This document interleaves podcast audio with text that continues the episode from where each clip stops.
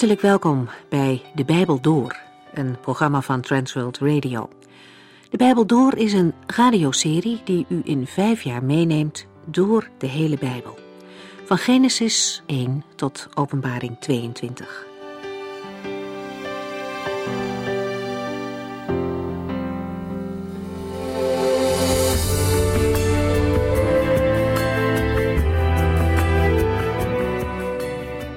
Het ging de voorgaande aflevering over de richter Jefta.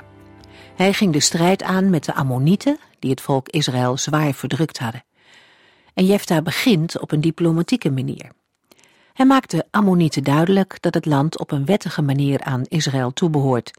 Ze wonen daar al 300 jaar. Bovendien hebben ze het ooit op de Amorieten veroverd. En die hebben er al jaren nooit aanspraak op gemaakt. Maar daar zijn de Ammonieten het niet mee eens. Zij willen de Israëlieten het land uitdrijven en hen zelfs vernietigen.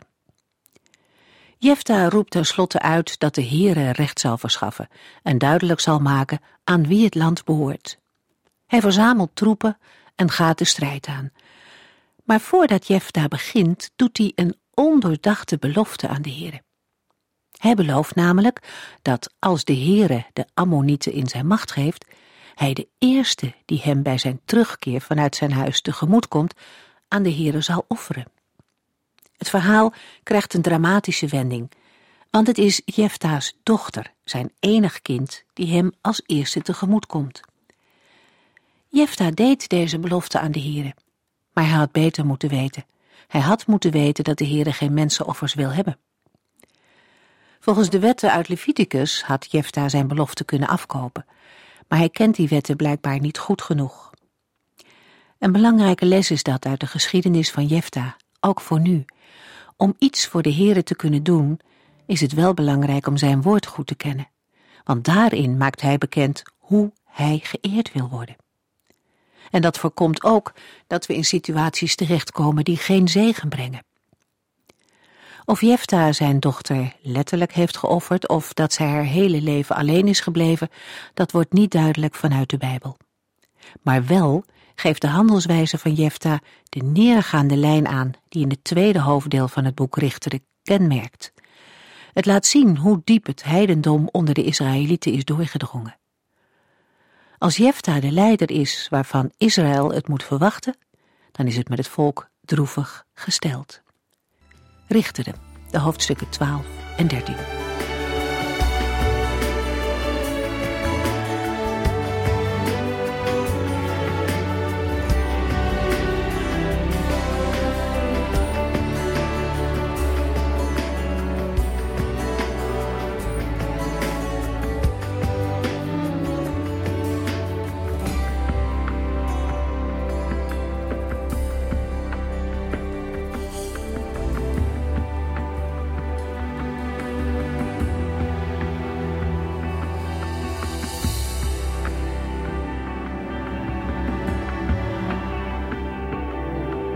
Nadat de Ammonieten verslagen zijn, roepen de Efraïmieten hun leger samen. Ze steken de Jordaan over en legeren zich in Savon, een strategische plaats in de buurt van Sukkot. De reden voor hun boosheid is dat Jefta hen niet heeft opgeroepen om hem in de strijd tegen de Ammonieten te vergezellen. Zij voelen zich door Jefta gepasseerd en dreigen zelfs zijn huis plat te branden. Rechters 12, vers 1 tot en met 3. Toen werden de Efraïmieten onder de wapenen geroepen. Ze trokken naar Savon en stuurden Jefta de volgende boodschap. Waarom hebt u ons niet geroepen toen u de Ammonieten aanviel? Uit wraak zullen wij uw huis, terwijl u daar zelf bent, platbranden. Ik heb u wel laten roepen, maar u weigerde te komen, antwoordde Jefta. U kwam niet opdagen toen wij dit ernstige conflict met de Ammonieten hadden. Daarom heb ik mijn leven op het spel gezet en ben zonder u ten strijde getrokken. Maar de Heer heeft mij geholpen de vijand te verslaan. Waarom zou u ons dan nu aanvallen? Net als bij de Ammonieten probeert Jefta de situatie in eerste instantie met woorden op te lossen. Maar hij kiest een heel andere benadering dan Gideon in Rechters 8. Waar Gideon diplomatieke taal gebruikt en niet schroomt zichzelf als de minder af te schilderen, kiest Jefta voor de tegenaanval. Hij zegt dat hij de Efraïmieten wel degelijk heeft opgeroepen toen hij de strijd met de Ammonieten aanbond. Maar ze hebben aan zijn oproep geen gehoor gegeven. Met een retorische vraag maakt Jefta duidelijk dat hij het onterecht vindt dat Ephraim nu tegen hem optrekt. Door deze reactie gooit Jefta olie op het vuur en slaat de vlam in de pan. Jaloersheid, egoïsme en eigeneer zijn licht ontvlambaar. In de kerk of gemeente speelt jaloezie vaak ook een rol. Het is een van de grootste problemen en zonden. Paulus zegt in Filippenzen 2 vers 3 Wees niet egoïstisch en probeer niet de eer naar u toe te trekken, maar wees nederig en sla een ander hoger aan dan uzelf. De Efraïmieten hadden gezegd: Uit wraak zullen wij uw huis, terwijl u daar zelf bent, platbranden. Jefta moet zichzelf beschermen. Rechters 12, vers 4 tot en met 6. Toen Ephraim de mannen van Gilead uitschold voor weggelopen Efraïmieten, Gilead ligt namelijk tussen Ephraim en Manasse, kwam Jefta in actie. Hij riep alle mannen van Gilead op voor de strijd en viel het leger van Ephraim aan. Ephraim werd verslagen. Jefta bezette alle doorwaadbare plaatsen van de Jordaan op de weg naar Ephraim en telkens wanneer een vluchteling van Ephraim de rivier wilde oversteken, hielden de soldaten van Gilead hen aan. Hoort u bij de stam van Ephraim? vroegen ze dan. Als de man met nee antwoordde, zeiden zij: Zeg eens Shibbolet. Maar als hij de shin niet kon uitspreken en Sibbolet zei, werd hij gedood. Op die manier stierven 42.000 mannen van de stam van Ephraim. Op hun beurt kleineren de Ephraimieten de inwoners van Gilead door te stellen dat zij in feite niets anders zijn dan vluchtelingen uit Ephraim die nergens meer bij horen, nog bij Manasse, nog bij Ephraim. Jefta vat de woorden op als een zware belediging en voelt zich in zijn eer aangetast. Er volgt een bloedige burgeroorlog. Jefta roept zijn troepen samen, trekt ten strijde tegen de Ephraimieten en verslaat hen. Bovendien bezetten zijn troepen de doorwaadbare plaatsen van de Jordaan, die de grens vormt tussen Gilead en Ephraim. Zo snijden zij de pas af van de vluchtende troepen. Vluchtelingen die de Jordaan willen oversteken, in een poging aan Jefta te ontkomen en desgevraagd ontkennen uit Ephraim te komen, laten zij het woord Shibbolet uitspreken. De uitspraak verraadt uit welk gebied de vluchteling afkomstig is. Rechters 12, vers 7. De Gileadiet Jefta leidde Israël zes jaar. Hij werd begraven in een van de steden van Gilead. Hoe moeten we Jefta als richter en rechter beoordelen? Dankzij de bekrachtiging met de geest van de Heere was Jefta in staat Israël te verlossen van de Ammonieten. Terecht wordt hij daarom tot de richters gerekend. In het Nieuwe Testament wordt hij genoemd in de lijst met geloofshelden, Hebreeën 11. De beschrijving van het optreden van Jefta na de overwinning op Ammon roept alleen negatieve associaties op. In het licht van het boek Richteren als geheel worden deze alleen nog maar sterker. Jefta's schandelijke behandeling van zijn dochter vindt aan het slot van het boek een tegenhanger in het misbruik op grotere schaal van de vrouw uit Bethlehem. Zijn ondoordachte belofte, waarvan zijn dochter het slachtoffer wordt, vindt een parallel in de ondoordachte belofte van de Israëlieten aan het einde van het boek, waarvan talloze vrouwen het slachtoffer worden. Rechters 21. De burgeroorlog tussen Ephraim en Gilead vindt zijn tegenbeeld in de burgeroorlog tegen Benjamin, waarbij alle stammen van Israël betrokken zijn. Rechters 20.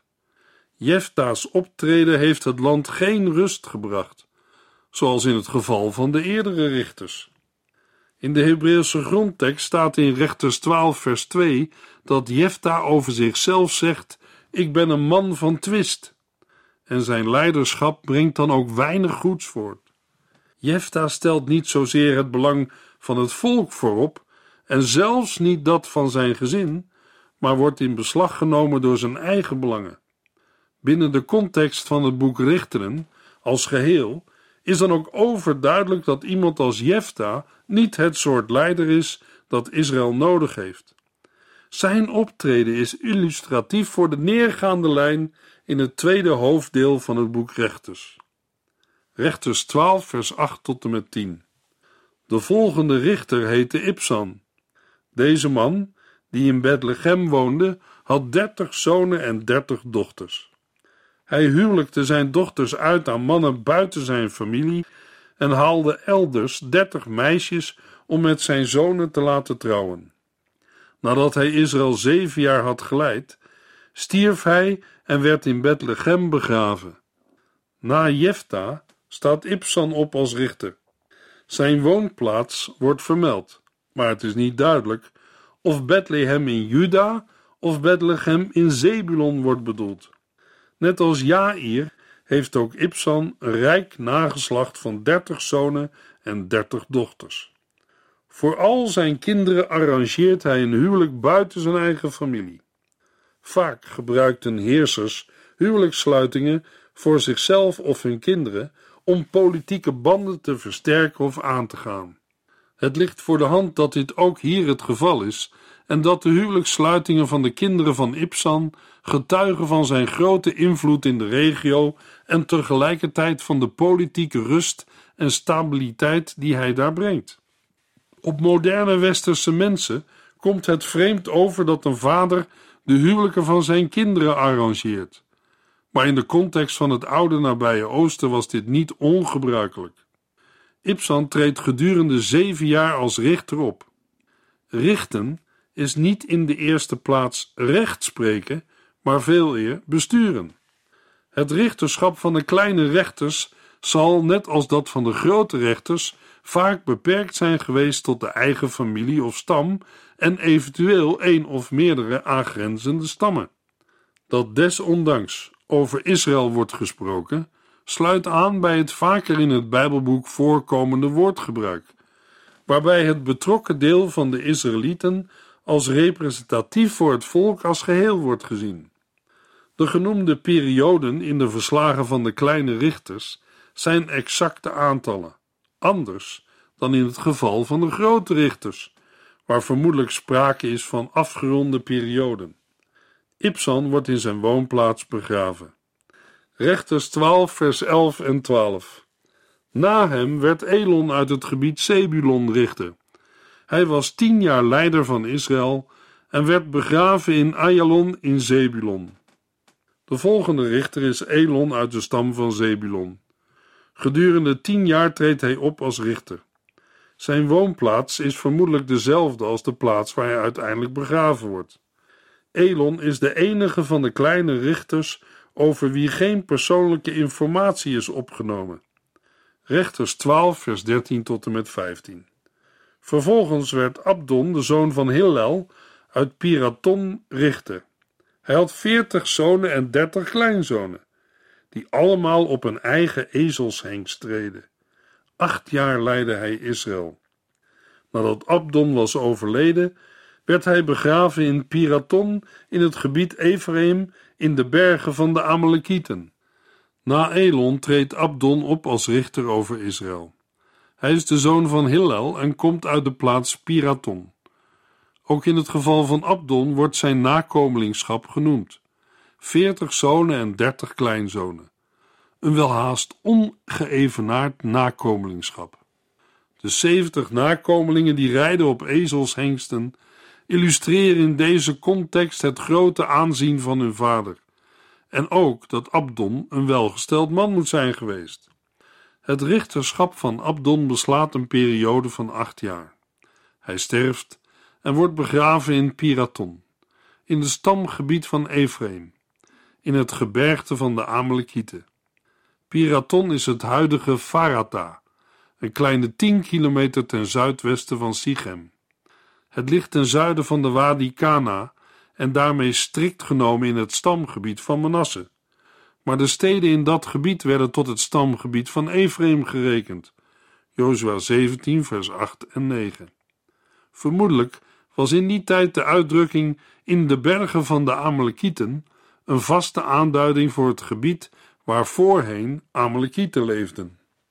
De rust en de stabiliteit die de richters Ipsan, Elon en Abdon brengen in de gebieden die zij besturen, vormen een positief contrast met de neergaande lijn die het tweede hoofddeel van Richteren kenmerkt. Maar de neergaande lijn in het optreden van de rechters is nog niet beëindigd. Het dieptepunt moet nog komen. Rechters 13, vers 1. En weer zondigden de Israëlieten tegen de Here door afgoden te aanbidden. Daarom liet de Heere toe dat zij veertig jaar lang door de Filistijnen werden onderdrukt. De cyclus die we in het begin van het Bijbelboek Rechters tegenkwamen, wordt vanaf Gideon doorbroken.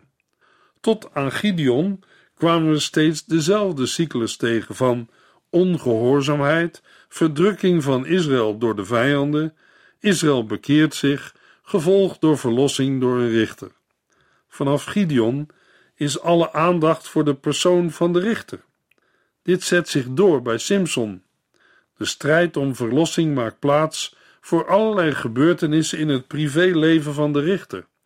Structureel wordt de geschiedenis van Simson ingekaderd door een verslag van zijn geboorte, rechters 13, en zijn dood, het slot van rechters 16.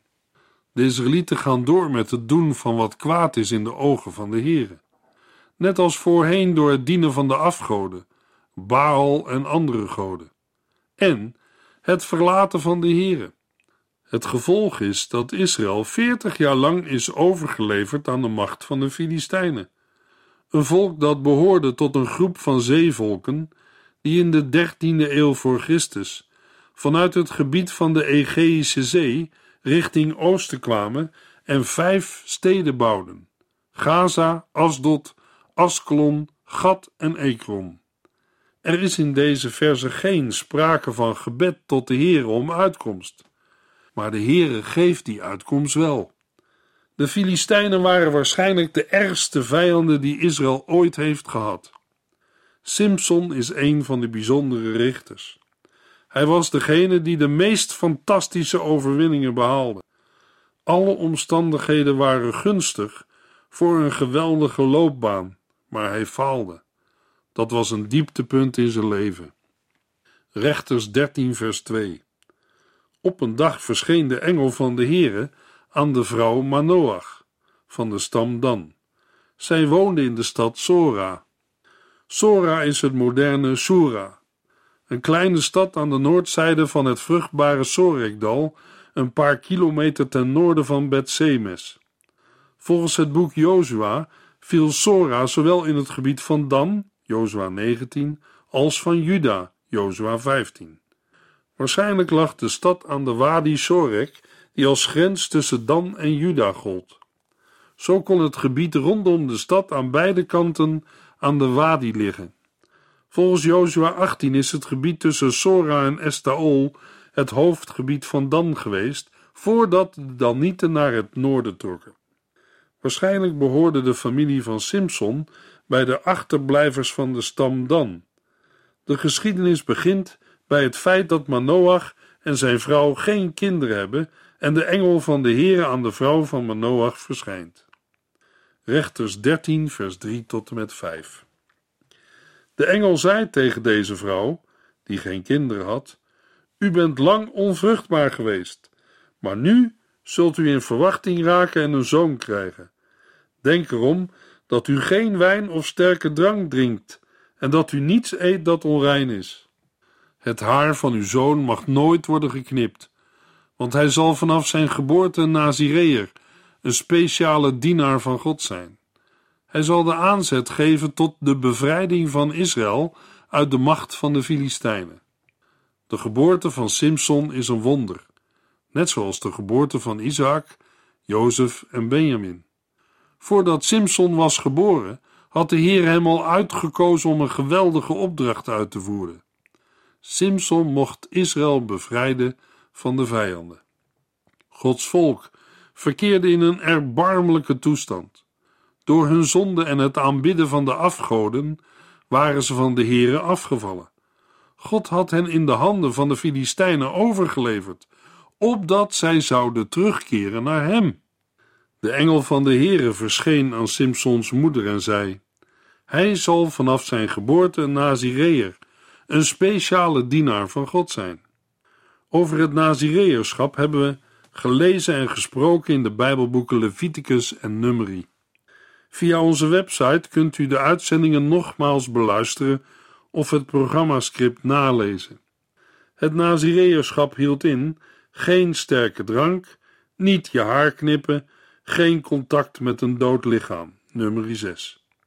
In het geval van Simpson worden er wel een paar aanpassingen gemaakt op de gebruikelijke Nazireërgelofte. De gelofte is nu niet vrijwillig, maar door de Here opgelegd. Hij is van kracht vanaf zijn geboorte, dat wil zeggen vanaf de conceptie. Daarmee wordt de moeder verplicht ook aan de voorwaarden te voldoen, zoals geen wijn of sterke drank drinken, totdat het kind geboren is en oud genoeg is om zich er zelf aan te houden. De gelofte geldt niet voor een paar dagen of weken, maar geldt voor het hele leven, tot aan de dood van Simpson. De enige andere persoon in het Oude Testament voor wie dit ook gold, was Samuel. Ten slotte aan de drie standaard eisen voor een Nazireër wordt een vierde toegevoegd. De moeder van Simson mag beslist geen onrein voedsel gebruiken tijdens de zwangerschap. Blijkbaar werd deze voor iedere Israëliet geldende eis, Leviticus 11 en Deuteronomium 14, niet door iedereen gehouden. Gezien het gebruik van de uitdrukking denk erom, was deze bepaling voor de moeder van Simson blijkbaar niet vanzelfsprekend. In vers 5 volgen een aantal aanwijzingen voor Simson. Er zal geen scheermes over zijn hoofd gaan, want hij is een Nazireër Gods. Dat wil zeggen, hij is aan God gewijd. Hij zal een begin maken met de bevrijding van Israël uit de macht van de Filistijnen. Volledige verlossing kwam pas onder David, 2 Samuel 5. Luisteraar, hoe zou een nieuw-testamentische Nazireër eruit kunnen zien? Als we de eerste eis voor een Nazireër bekijken, dan kunnen we zeggen: een Nazireër moet zijn vreugde in de Here vinden en niet in sterke drank. Efeziërs 5, vers 18. Bedrink u niet, want daardoor verliest u de controle over uzelf. Wees daarentegen vol van de Heilige Geest. En in Galaten 5, vers 22 en 23 zegt de apostel Paulus: Maar de Heilige Geest brengt ons tot betere dingen: liefde, blijdschap, geduld, vriendelijkheid, mildheid, trouw, tederheid en zelfbeheersing. Er is geen wet die zulke dingen veroordeelt. Vreugde is een van de vruchten die de Heilige Geest in het leven van een gelovige wil bewerken. Een Nazireër mocht zijn haar niet knippen. In nummer 6 wordt daarvan gezegd, want hij is heilig en aan de Heere gewijd. In het Nieuwe Testament gaat het dan niet alleen om uiterlijke reinheid, maar vooral om innerlijke reinheid. Rein, heilig en toegewijd aan de Heere en zijn dienst. Reinheid van binnen is minstens zo radicaal als de reinigingswetten voor de Israëlieten in het Oude Testament. 1 Petrus 1, vers 13 tot en met 16 Gebruik dus uw verstand en wees nuchter. Kijk vol verwachting uit naar de dag waarop Jezus Christus terugkomt en God zijn genade aan u zal bewijzen. Gehoorzaam God omdat u zijn kinderen bent. Geef niet toe aan de verlangens van vroeger, toen u nog niet beter wist. Wees heilig in alles wat u doet, want de Heere die u heeft geroepen om zijn kind te worden, is heilig. Hij heeft dat zelf gezegd. Wees heilig, want ik ben heilig. De Heere blijft heilig, ook in het Nieuwe Testament. In het Nieuwe Testament is het wel meer ethisch ingevuld. Wij mensen moeten heel nieuwe mensen worden die alleen voor God leven, zuiver en goed. Efeze 4, vers 24 zegt: Trek een nieuwe natuur aan als een stel nieuwe kleren. Wat dat betekent, leest u erna. In Efeze 4, vers 25 tot en met 5 vers 20. Ontdek wat de Heere van u verlangt. Een Nazireër moest de Heere boven alles stellen. Ook dat is in het Nieuwe Testament niet anders. De Heer Jezus zei in Lucas 14, vers 26 en 27: Wie bij mij wil horen, moet meer van mij houden dan van zijn vader, moeder, vrouw, broers en zusters. Ik moet hem zelfs meer waard zijn dan zijn eigen leven.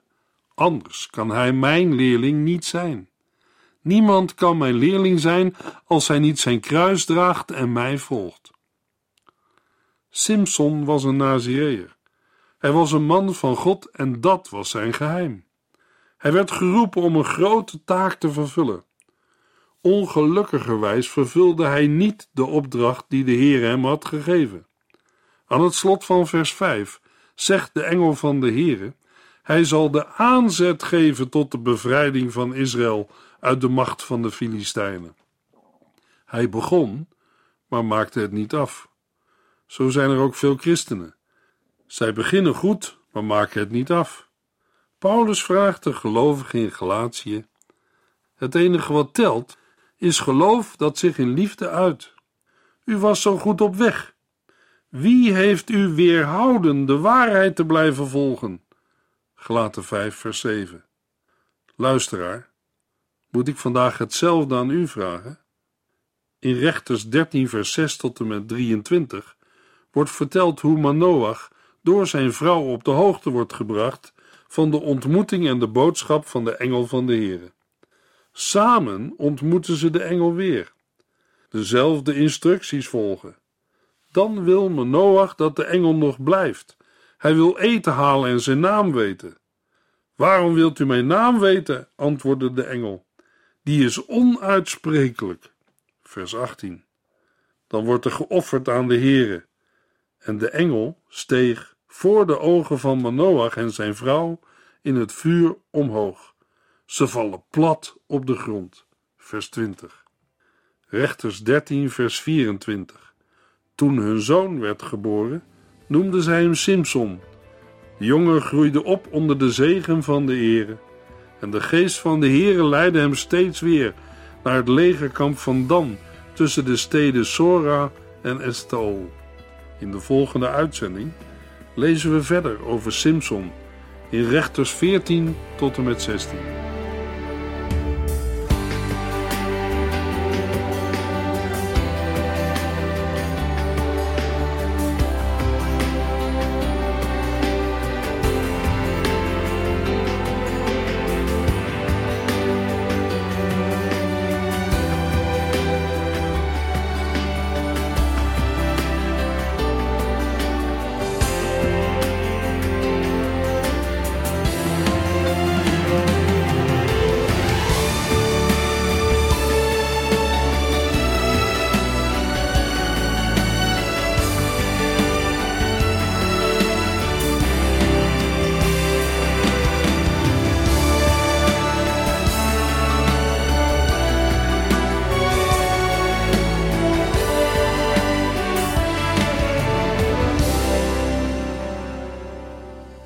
Geluisterd naar De Bijbel Door. In het Nederlands vertaald en bewerkt door Transworld Radio. Een programma waarin we in vijf jaar tijd de hele Bijbel doorgaan. Als u wilt reageren op deze uitzending of u heeft vragen, dan kunt u contact met ons opnemen. Tijdens kantooruren kunt u bellen op 0342 47 8432. 0342 47 8432. 32. Ook kunt u een e-mail sturen naar de Bijbel door transworldradio.nl en natuurlijk kunt u ook via de post ons bereiken. TWR, postbus 371, postcode 3770, AJ in Barneveld. Dit programma werd gepresenteerd door Cor Weda en Ike André. Techniek was in handen van Odin van Woerdekom. En wij allemaal bedanken u voor het luisteren. Graag tot de volgende keer.